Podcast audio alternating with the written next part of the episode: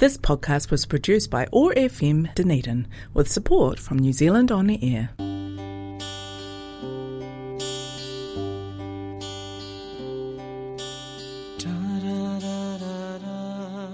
Otago Access Radio මේ එළබෙන හෝරාව ඔබ වෙතගෙන එන්නේ ශ්‍රී ලාංකීය ගීත ශීත්‍රයේ ස්වර්ණමය දශකයන් තුළ බිහි වූ අග්‍රගණ්‍ය ගීත නිර්මාණ ඇසුරින් ලාංකීය සංස්කෘතිය දෙස එබී බලන ඔබේ මතකයන් අවධි කරන සොඳුරුයාමය සත් සරරාව නියුරු ගීතාවලියයි.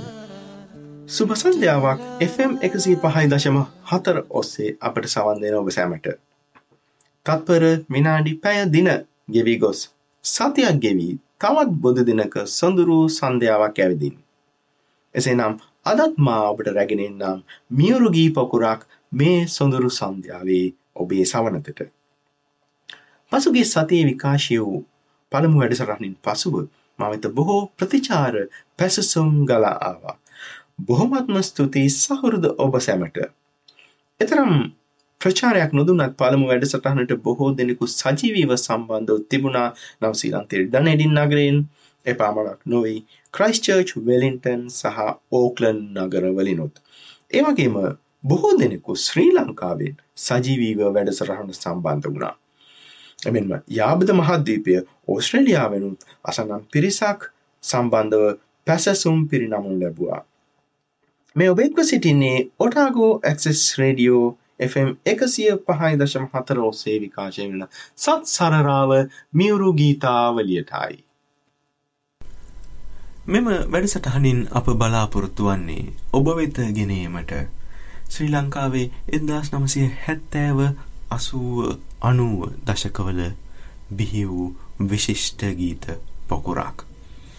එයින ඔබට මට එමනතන් අපට පියමැන හැකි අපගේ ගෙවුණු ඒ සුන්දර අතීතයට. නැවතත් අපට හැරී බැලිය හැකි. එම දශකවල ශ්‍රී ලංකාවෙ තිබුණු සමාජ ආර්ථික සහ සංස්කෘතික පසුබිම වෙත.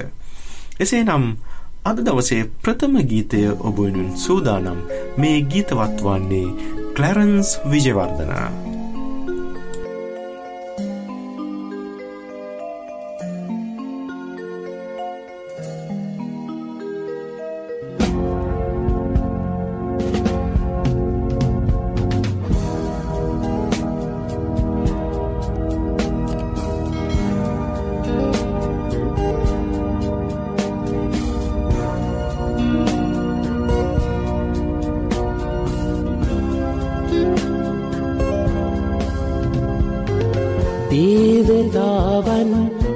සිතන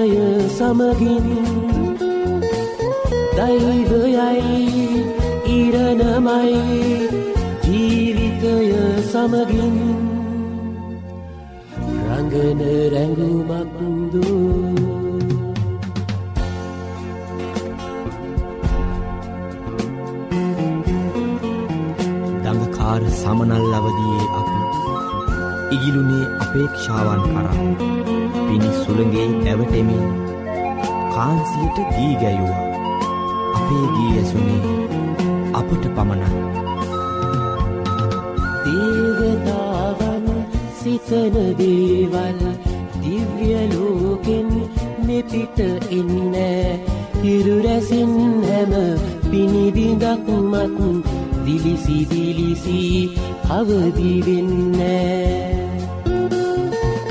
දෛවයයි ඉරණමයි ජීවිතය සමගින්.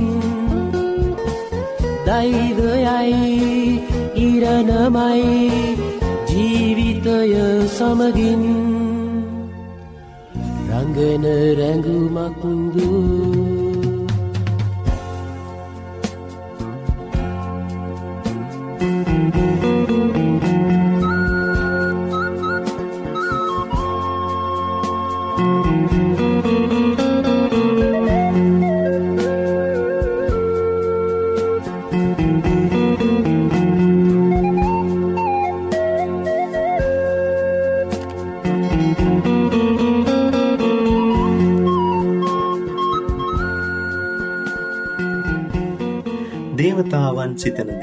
දිව්‍ය ලෝකෙන් මෙපිට එන්න. හිරු රැසින් හැම පිණිබිඳක්වත් දිලිසි දිලිසි අවදි වෙන්න. දෛවයයි ඉරණමයි ජීවිතය සමගින් රඟන රැගුමක්ද. එච්චරයි ගීතය. පේලි තුනයි. වචන දාහතයි. ගීතය රචනා කරලා තියන්නෙත් කලරන්ස් විජේවර්ධනයන් මයි සංගීතය කලරන්ස් විජේවර්ධනයන්ගෙන් මයි. මේ ගීතය අපිට මුලින්ම අසන්නට ලැබුණේ එද තමසි අසුව දශකේ අගභාගේ හෝ අනුව දශකේ මුල්භාගේ රූපවාහිනින් විකාශනය වූ සුසීමා ටෙලිනාට්ටෙන් පසුව මට ලැබුණු තොරතුරු අනුව චිත්‍රපටිකුත් නිෂ්පාදනය වී තිබුණාම මගින් නමුත් මෙහි මූල බීජය චිත්‍ර කතාවක් ඔබට මතක ඇති ඒ දවස්වල චිත්‍ර කතා පත්තර තිබුණා. දෙමපු වැඩිහිටියෝ අපිට ඒවා බලන්න තහනම් කරලා තිබුණේ. ඉතින් හැමදාම වෙන වගේ හොරෙන් ඒවා බලනවා මට මතකයි දවස්වල විදුසර විද්‍යා සංග්‍රහාවේ ගියා චිත්‍ර කතා කියන්නේ ආලෝකයක් ගෙන නොයන ප්‍රදීප ස්තම්භයක් කියලා. ඒක ඇත්තක් නැත්තේත් නැහැ. කොහොම හරි මේ සුසීමා චිත්‍ර කතාව තමයි මුලින්ම නිර්මාණය වෙලා තියෙන්නේ. අපිට කවුරු හරි දැනුවත් කරන්නේ චිත්‍ර කතාව නිර්මාණය කරේ චිත්‍රයන්ද කතාව කිව්වේ කවුද කියලා. ඉන් පස්සේ මේ ටෙලිනාට්‍ය නිෂ්පාදනය වුණා රූපවාහිනියේ මේ ගීතය තිබුණේ ඒ ටෙලිනාට්‍යයේ. කොතරම් අපූරු මියුරු කෙටි ගීතයක්ද මෙවන් වදන් වෙලා ගීතයක් බවට පත් කිරීමෙන් ක්ලැරන්ස් විජේවර්ධනයන් කරලා ඇති. ප්‍රාතිහාර්ය මහිතනවා ඔබට පේනට ඇති කියා. ඔබ දන්නවා අපි මේ වැඩසටහනට ඉදිරිපත් කරනවා ටෙලිනාට්‍ය ගීතයක්. වැඩසටහනේ පළමු ගීතය ලෙස මා අද තෝරාගත්තේ ටෙලි ඒ ටෙලිනාට්‍ය ගීතය. මෙතැන් සිට ඉදිරියට එන ගීත පහේ තිබෙනවා යම් විශේෂත්වයක්. ඔබ ඒ විශේෂත්වය සොයාගත යුතුයි. එය තමයි මේ වැඩසටහනේ මෙතැන් පටන් ඉදිරියට යන විශේෂිත වූ කාරණය. අපේ ඉදිරි පියවර. ඒ විශේෂත්වය කුමනෝ අයුරකින් වෙන්න පුළුවන්. ගායකයාගෙන් වෙන්න පුළුවන් ගායිකාගෙන් වෙන්න පුළුවන් වචනයකින් වෙන්න පුළුවන්. එහෙමත් නැත්තම් තේමාවෙන් වෙන්න පුළුවන්. දෙකේ සිට හත දක්වා ගීතවල මොකක් හෝ යම් සමානකමක් යම් කිසි පොදු දෙයක් තියෙනවා. ඒ කියන්නේ මේ ගීත පහ යම් කුලකයකට ඇතුළත් වෙනවා. කුලකයක් කියන්නේ පොදු ලක්ෂණ සහිත සමූහයක්නේ කෝ යම් දේවල්සේ යම් අයිතමයන් සමූහයක් තියෙන තැනකින් පොදු ලක්ෂණ තියෙන කීපයක් තෝරා ගැනීම නැත්නම් පොදු ලක්ෂණ තියෙන දේවල් වෙන් කිරීම. ඉතින් ඔබගේ අභියෝගය මේ ගීත කුලකය තේරීම. පස්වන ගීතයේ ප්‍රචාරය වූවායින් පසු ඔබට පුළුවන් ඔබ මේ හඳුනාගත්තා නම් මේ ගීත කුලකය අපිට දැනුම් දෙන්න. හරියටම දැනුම් දෙන පළමුවෙනියා තමයි ජයග්‍රාහකයා. ඔහු වෙනුවෙන් අපි ඊළඟ වැඩසටහනේදී ඔහු හෝ ඇය වෙනුවෙන් අපි ඊළඟ වැඩසටහනේදී ගීතයක් ලබා දෙනවා ඔහු හෝ ඇය කැමති. මේ වැඩසටහන අවසානයේදී එහෙම නැත්නම් පස්වෙනි ගීතය අවසන් වුණායින් පසුව මා ඒ කුලකය ප්‍රකාශයට පත් කරනවා. එබැවින් ඔබගේ පිළිතුර අපිට ඊට ප්‍රථම ලබා දෙන්න ඕනේ. පිළිතුර ලබා දෙන්නේ කොහොමද? අපිට තිබෙනවා ඊමේල් ලිපිනයක් සත්සරරාව කියලා. නිවැරදිව ලියලා. ඉංග්‍රීසියෙන් සිංහල නෙමෙයි. සත්සරරාව gmail.com එම ඉමේල් ලිපිනයට ඔබට ඔබගේ පිළිතුර ෂණිකව යොමු කරන්න පුළුවන්. මේ පැයේ අවසාන ගීතයට ප්‍රථමයෙන්. කෙන අවසාන ගීතයට ප්‍රථමයෙන් මායි ගීත කුලකය ප්‍රකාශයට පත් කරනවා. එසේ නම් තරගයට ලෑස්ති වෙන්න දැන් අහමු දෙවන ගීතය.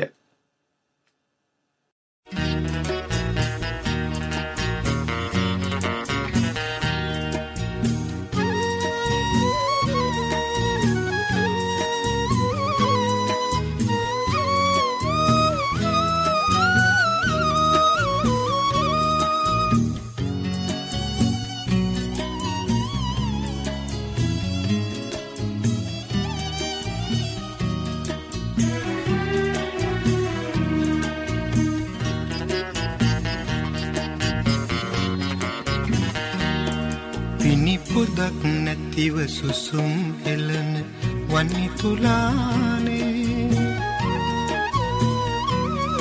උඹ හිනා වුනත් කරඹ මලක්සේ හිත එකි ගහනා හඬ ඇහුණා තින් සීරුවේ. පිණි පොදක් නැතිව සුසුම් එලන වන්නි තුලානේ උඹ හිනා වුනත් කරඹ මලක්සේ හිත එකි ගහනා අඳ ඇහුණා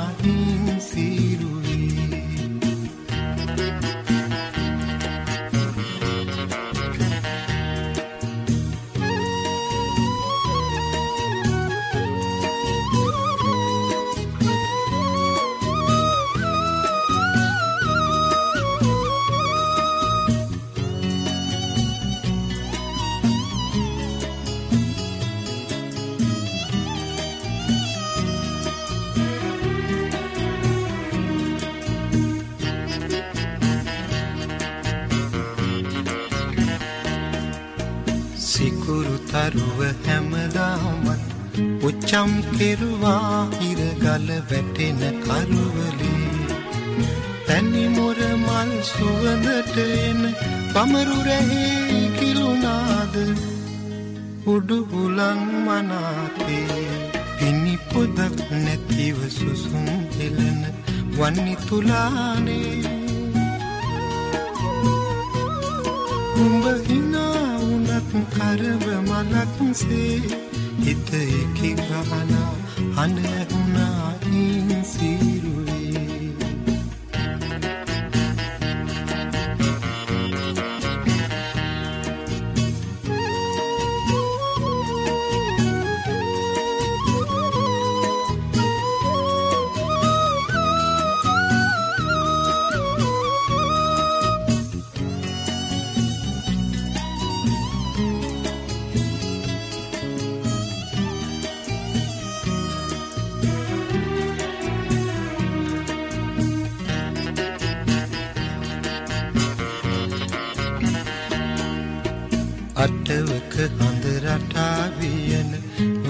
මත්කින් සීපද අඩ හැර ඇසුනී උඹේ හිතේ කකියන දුක ඒවාරම් සීපදයට උඹ කියා පන්නගේ පිණි පොදක් නැතිව සුසුම් පෙලන වන්නි තුලානේ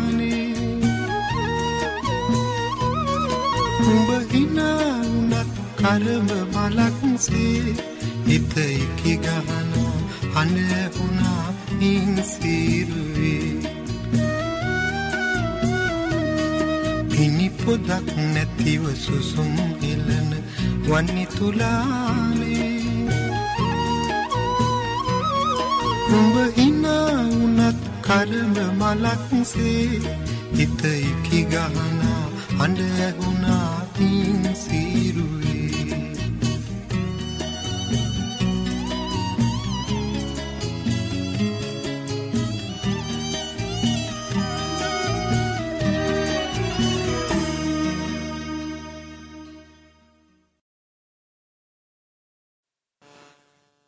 මං හිතන්නේ ඒ ගීතය හලා ඔබටත් සුසුමක් පිටවෙන්න ඇති. ඉබේටම. නියගය දරිද්‍රතාවය තාරුණ්‍ය විවාහය ගැන කියවෙන ගීතයක්. ඒ ගැන කතා කරපු ගීතයක්. සොහොයුරෙකුට දැනෙන සොහොයුරියකගේ යෞවන හදහි නැගෙන ශෝකය. අපි දෙන්නම අසරණයි නැගෙනිය කරන්න දෙයක් නෑ. හැමදාම හැන්දෑවට පායන ඉරබටු තරුව එම නැත්නම් සිකුරු තරුව ඉක්මනටම බැහැලා යනවා. පැණිමුර මල් පිපිලා සුවඳ තිබුණත් ඒ සුවඳට බමුරු වෙන්නේ නැහැ. ඒගොල්ලෝ උඩුහුලඟට ගහගෙන ගිහිලාද මන් දන්නේ අපි දුප්පත්. සිකුරාගේ දසාව අපිට ලබන්නේ නැහැ. අපි දුප්පත්. උඹේ හිතේ තියෙන දුක කියපන් හඬගාලා සීපදයකට. ඒක මුසු වෙයි මේ වාතලයට. එච්චරයි අපිට උරුම. වැස්සක් තියා පොළොවට මෙන්න පිණි කැටයක්වත් වැටෙන්නේ නැහැ. ඉතින් අපි කොහොමද ගොවිතැන් කරන්නේ? ඉතිං අපිට කොයින්ද මුදල් ඉතිං අපිට හැමදාම අපලයි සුනිල් දයානන්ද කෝනාරයන්ගේ පදවලක් සංගීතය සපයා තිබෙන්නේ තිස්ස සිරි පෙරේරා මේ ඔබ එක්ව සිටින්නේ FM එකසිය පහයි දශම හතර ඔටාගෝ ඇක්සෙස් රේඩියෝ ඔබ වෙත පිරිනමන සත් සරරාව මියවරුගී සමුච්චය සමගයි. මීළඟට මාතෝරා ගන්නා ගීතය පියකුගේ වියෝවෙන් පසු පුතෙකුට ඇතිවුණු සිතිවිලි පදවැලකට පෙරළුණු අවස්ථාවක්. ඉහළ පරම්පරාවේ එහෙම නැත්නම් පියාගේ පරම්පරාවේ පියවරුන් කරපු බොහෝ දේවල් පුතුන්ට කරන්න ලැබෙන්නේ නෑ. පුතුන් මේ සමාජ ප්‍රවාහයට හසුවී ගසාගෙන යනවා. එහි දියන බාධක කම්කටලු හේතුවෙන් පියවරුන් කළ කී දෑ දුන්නු දන්පින් මේ පුතුන්ට කෙසේවත් කරන්න ලැබෙන්නේ නෑ. ගීතයේ කතුවරයා එය දකින්නේ පූරුවේ කරන ලද පවක් එසෙත් නැත්නම් පෙර ආත්මේ කරන ලද පවක් විදිහට. ඔබේ මතකයට නැගෙනව ඇති මේ ගීතය එසේනම් පළමුුව ගීතය අසා සිටින.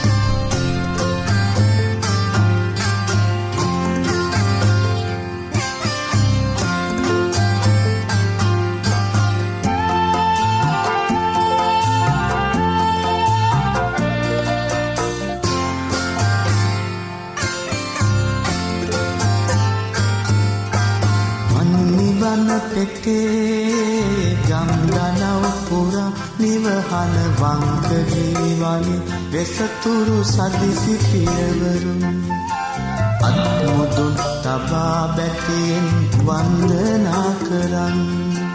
වන්නිවන පෙකේ ගම්ගනව් පුරා නිවහන වංකගිරිවනි වෙසතුරු සදිසි පියවරුන් අත්මුතු තබා බැතියෙන් වන්දනා කරන්න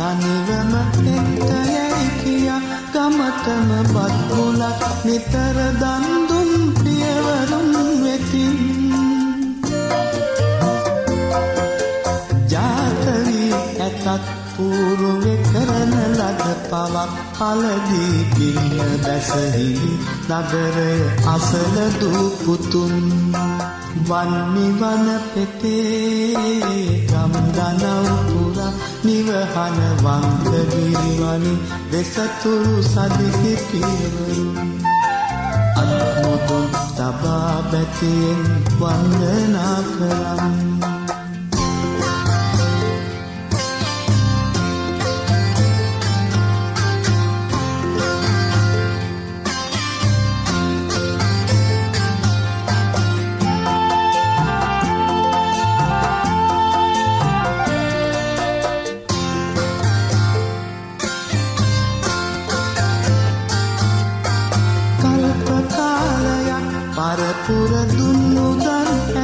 කරන්න තුළ මාසකට වරක් ලැබෙනුයේ සොච්චමක් බැවින්.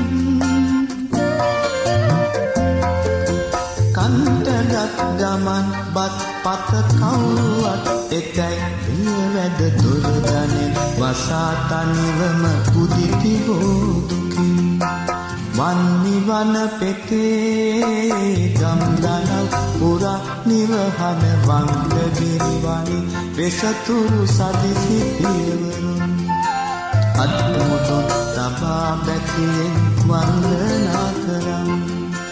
වන්නිවන පෙතේ ගම්දනල් පුරා නිවහන වංගගිරිවනි වෙසතුරු සදිසි පියවරුන් අත්මුදුන් තබා බැතියෙන් වන්දනා කරම්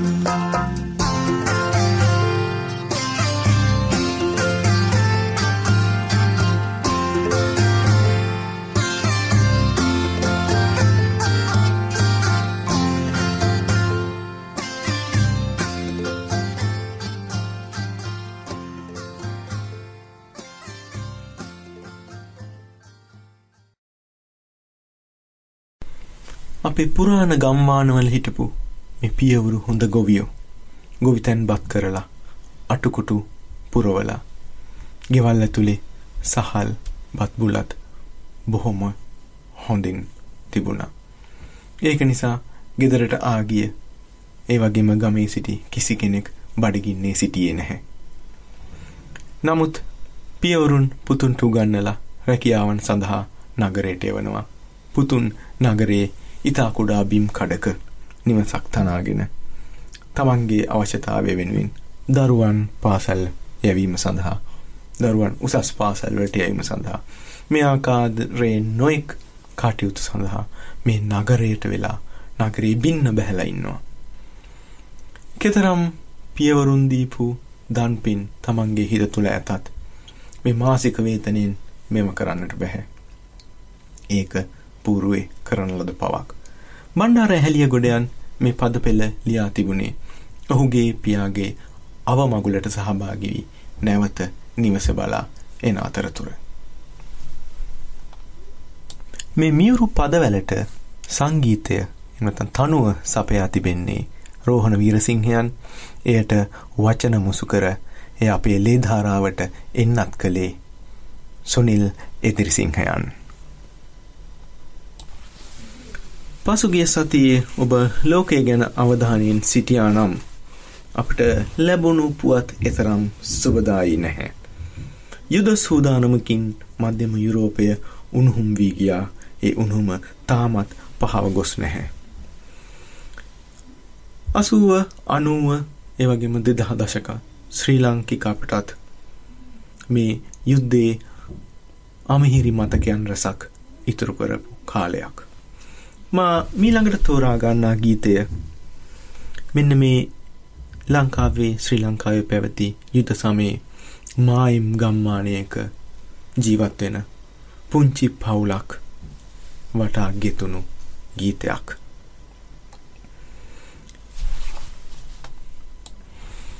මායිම් ගමක ජීවත් වෙන මේ පුංචි පවුලක තාත්තා මේ අම්මත් නැති පවුලක තාත්තා. අම්මත් සමහර විට මේ යුද්ධේම ගොදුරක් වන්නට ඇති. තාත්තා එහෙම නැත්නම් අප්පච්චි උදේම රැකියාවට යන්න ලෑස්ති වෙලා වැඩිමහල් දරුවා වමතලා කියනවා පුතේ මම අද ටිකක් ඈත වැඩකට යනවා. එන්න ටිකක් පරක්කු වෙයි. මං එනකන් නංගිලා මල්ලිලත් බලාගෙන පරිස්සමින් ඉන්න. හිමින් හිමින් රෑ බෝ වෙනවා තාත්තා තවම නැහැ. රාත්‍රී හඟවන සංඥා ගමේ කඩේ වැහෙනවා.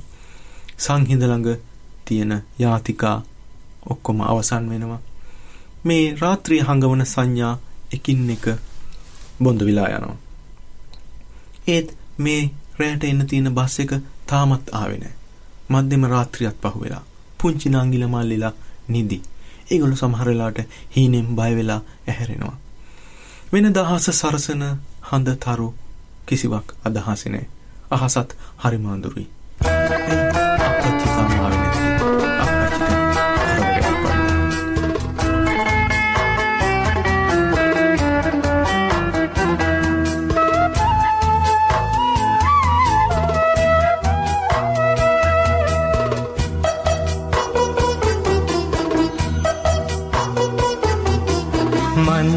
එක නෑ තාමත්නාවේ පිරිත් කියා නතර වුණා රජරට සේවේ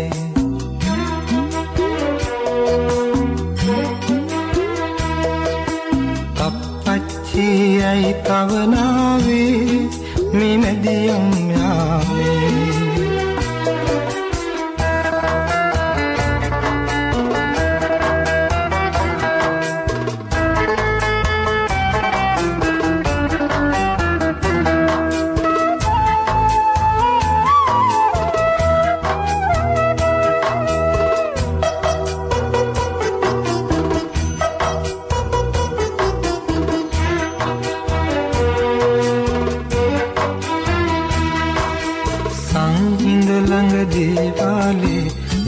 කාගොලුයි චෙට්ටියාර්ගේ කඩේ රැපාල නිවේ.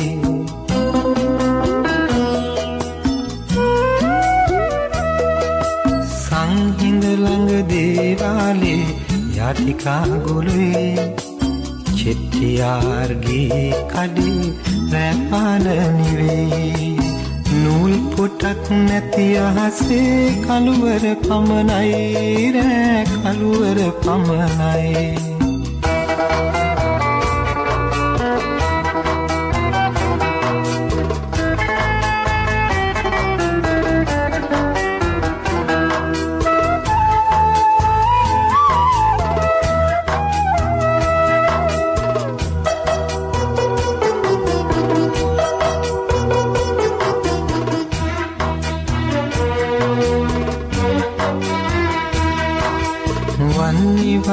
වනන්තරේ නපුරු යුදගිනි පුපුරයි. අම්මා නැතිලින් පැතව් හිනින් බයවී.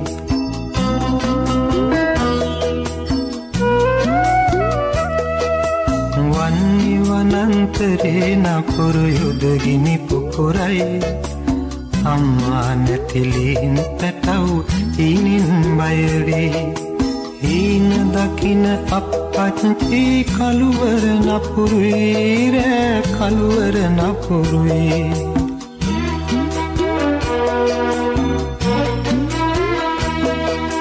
මන්නාරම් බස් එක නෑතාමත්නාවේ පිරිත් කියා නතර වුණා රජරට සේවේ.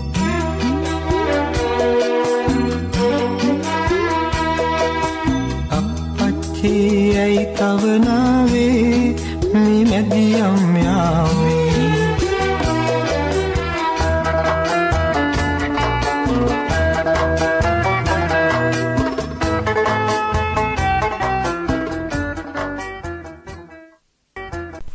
කොතරම් අපූරු අරුත්බර ගීතයක්ද? මේ ඔබ එක්ව සිටින්නේ FM එකසිය පහයි දශම හතරෝසේ ඔටාගෝ ඇක්සෙස් රේඩියෝ ඔබ වෙතගෙනන සත් සරරාව මියුරු ගීතාවලිය සමඟයි. නැවතත් මතක් කරනම් අපගේ ඊමේල් ලිපිනය සත්සරරාව gmail.com ඔබට එවන්න පුළුවන් අපට ඔබගේ යෝජනා අදහස් ගීත ඉල්ලීම් ඕනැම් දෙයක් මේ ඊමේල් ලිපිනේ හරහා නිවරදිව ලියන්න අකුරු සත්සර රාව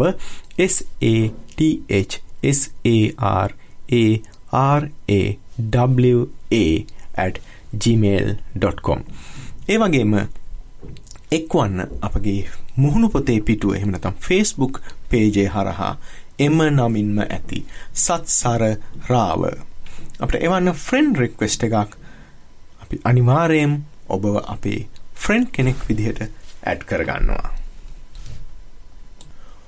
ඔබ වෙනුවෙන් මීළඟට මා තෝරා ගන්නේ යුග ගීයක්. මේ ගීය ඇහෙනකොට මගේ සිතේ මැවෙන්නේ ගුරු යුවලක්. හිටි හැටියේම මේ ගුරුතුමාට හදිසි ස්ථානමාරුවක් ලැබෙනවා දුෂ්කර පළාතකට. ගුරුතුමියට එහි යන්න බෑ විවිධ හේතුන් නිසා. ගුරුතුමා ඒ දුෂ්කර පළාතට යනවා. දැන් කාලේ වගේ නෙමෙයි. ඒ දවස්වල දුරකථන පහසුකම කොහෙත්ම දියුණු තත්වයක තිබුණේ නැහැ. ඒ වගේම ප්‍රවාහන පහසුකම් එහෙමත් සීමිතයි. නිවාඩුවකට ගෙදර එනතුරු වෙන් වී ඉන්න වෙනවා. දකින්නවත් කතා කරනවත් ලැබෙන්නේ නැහැ මේ අඹසැමියන්ට. ඒ වගේ කාලයක් මීට දශක කීපයකට ඉහතදී ශ්‍රී ලංකාවේ තිබුණා. සමහර විට ඔබටත් මේ අත්දැකීම් ලැබිලා ඇති. ගුරුතුමිය ලියුමක් ලියනවා වෙන්න පුළුවන්. මට හරි පාළුවක් දැනෙනවා. මට ඔබ ඉන්න තැන හොයාගෙන තනියම එන්න හිතෙනවා. ඒත් ගුරුතුමා දන්නවා ඒ ගමන හරි දුෂ්කරයි. මේ ගුරුතුමියට තනියම එන්න බෑ. ඒක නිසා කියනවා පොඩ්ඩක් ඉන්න. ඊළඟ පෝය ඒ දිගු නිවාඩුවට මම ගෙදර එනවා. එතකන් ඉවසන්න.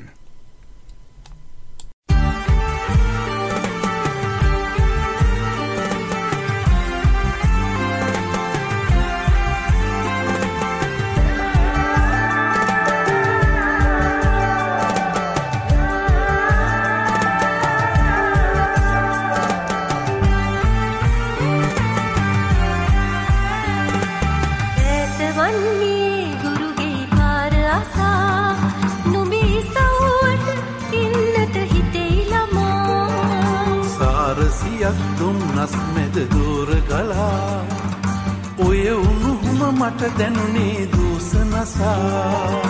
ඇත වන්නේ ගුරු ඒ පාර අසා.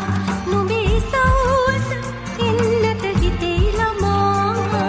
සාරසියක් දුම් නස්මෙද දූර ගලා ඔය උණුහුම මට දැනුනේ දූස නසා.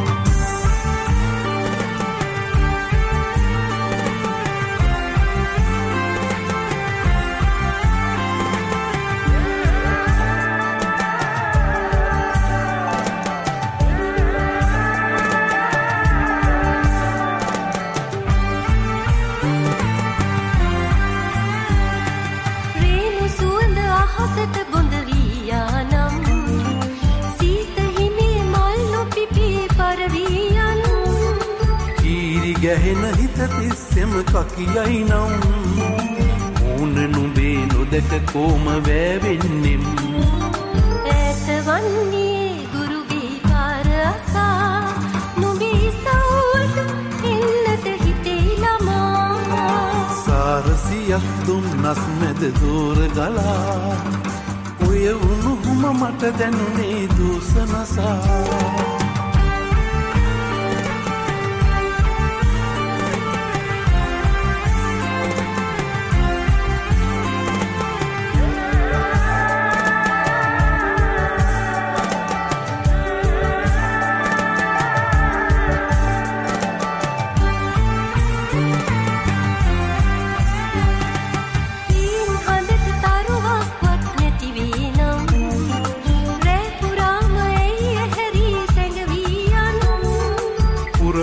පුරපෝයට මං එනතුරු ඉවසාපන් රෑනාඩා නිදිහීනෙට ඉඩදීපන් ඇත වන්නේ ගුරුගේ පාර අසා. නුඹේ සවුවට එන්නට හිතෙයි ළමා. සාරසියක් දුම්නස් මැද දෝර ගලා. ඔය උණුහුම මට දැනුනේ දූසනසා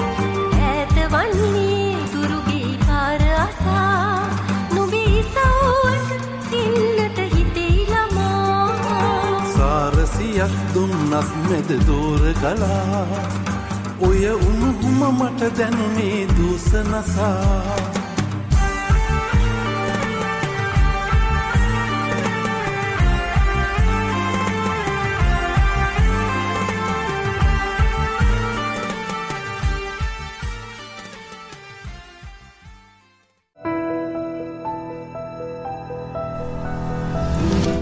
තාවකාලික වියෝවක් අපූරු දෙබසක්. මේ ආදරණීය දෙබස ගීපද පේලියකට නැගෝයේ නිලාරෙන් කාසිම්. සමන්ත පෙරේරා විසින් සැපවූ සංගීතයට හඬමුසු කළේ අබේවර්ධන බාලසූරිය සහ නිරංජලා සරෝජිනිය. අඩහෝරාවකටත් මදක් වැඩි කාලයක් ගෙවී ගොස්. මේ ඔබ රැඳී සිටින්නේ FM එකසිය පහයි දශම හතර සේඔබ වෙතගෙනෙන සත් සරරාව මියවරෝ ගීතාවලියටයි.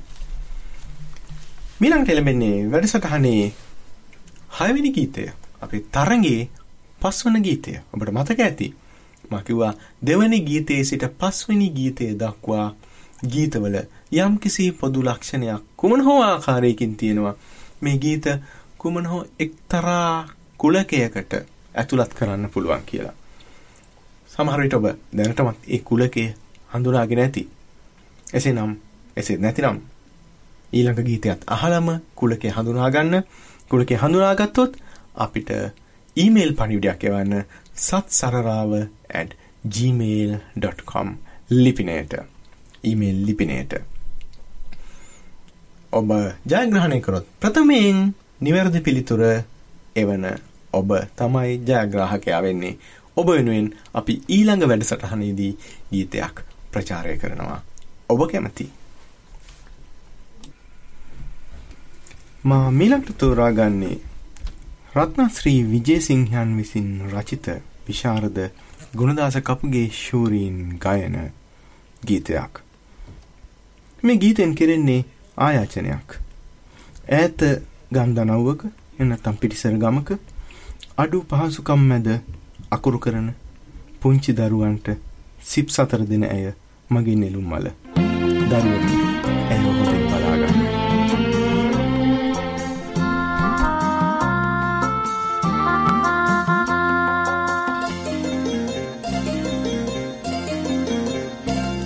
ඇමගේ නෙළුම් මල රොන් සුවඳ බෙදා දෙන වන්නිකම් දොරක පීතෙන පුංචි පැටවුනට ඇමගේ නෙළුම් මල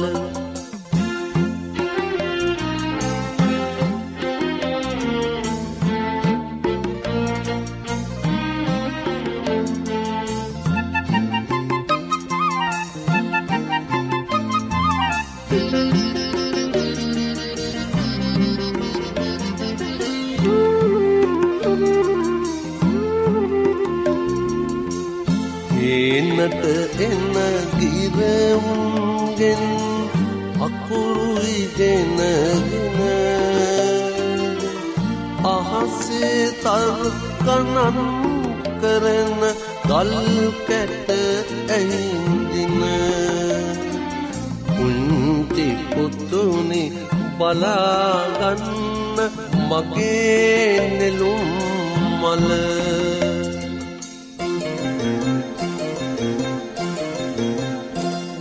ඇමගේ නෙළුම් මල රොන් සුවඳ බෙදා දෙන. වන්නිකම් දොරක පීදෙන පුංචි පැටවුනට ඇමගේ නෙළුම් මල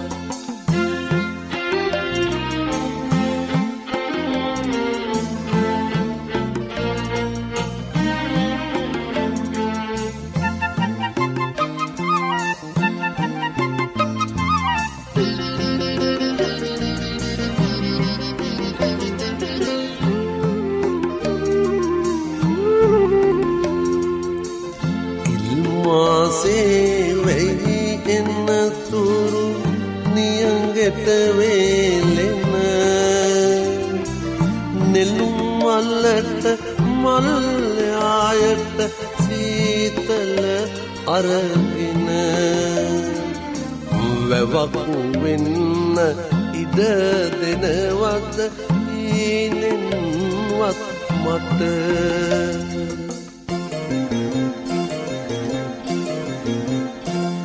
ඇමගේ නෙළුම් මල් පොන් සුවඳ බෙදා දෙන වන්නි ගම් දොරක පීදෙන පුංචි පැටවුනට ඇමගේ නෙළුම් මල්.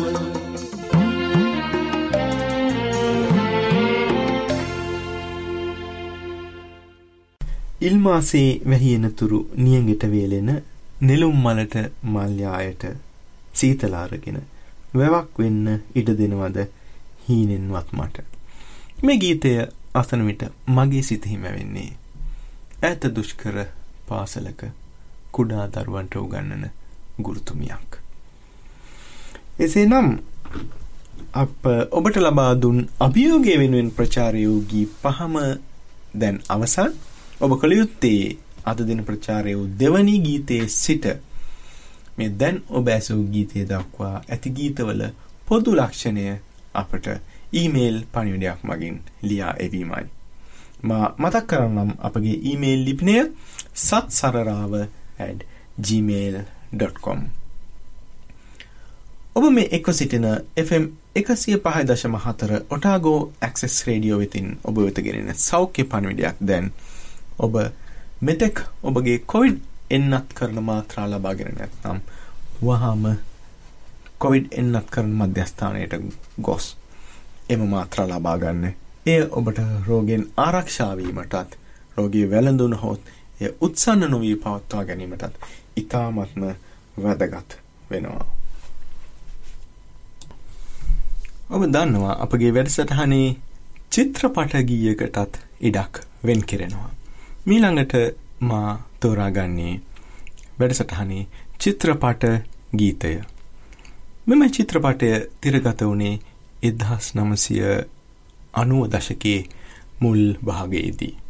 චිත්‍රපටය සප්ත කන්‍යා එහින මියවුරු යුගගීයක් දැන් ඔබේ සවනකට.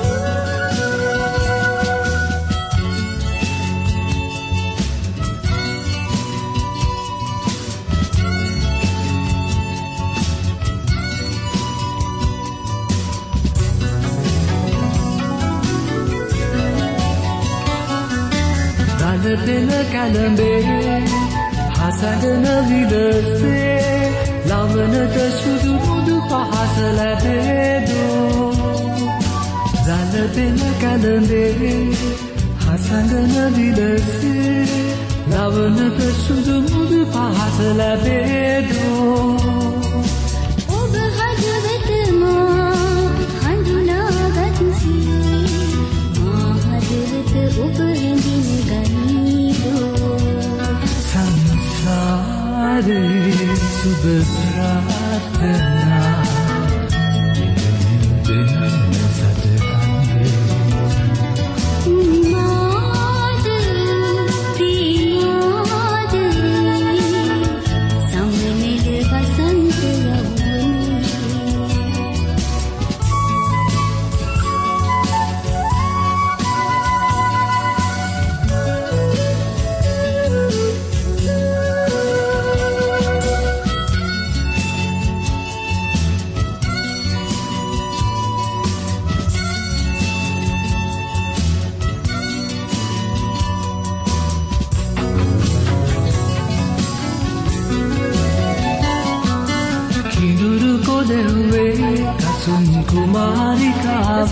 was produced by ORFM Dunedin with support from New Zealand On the Air.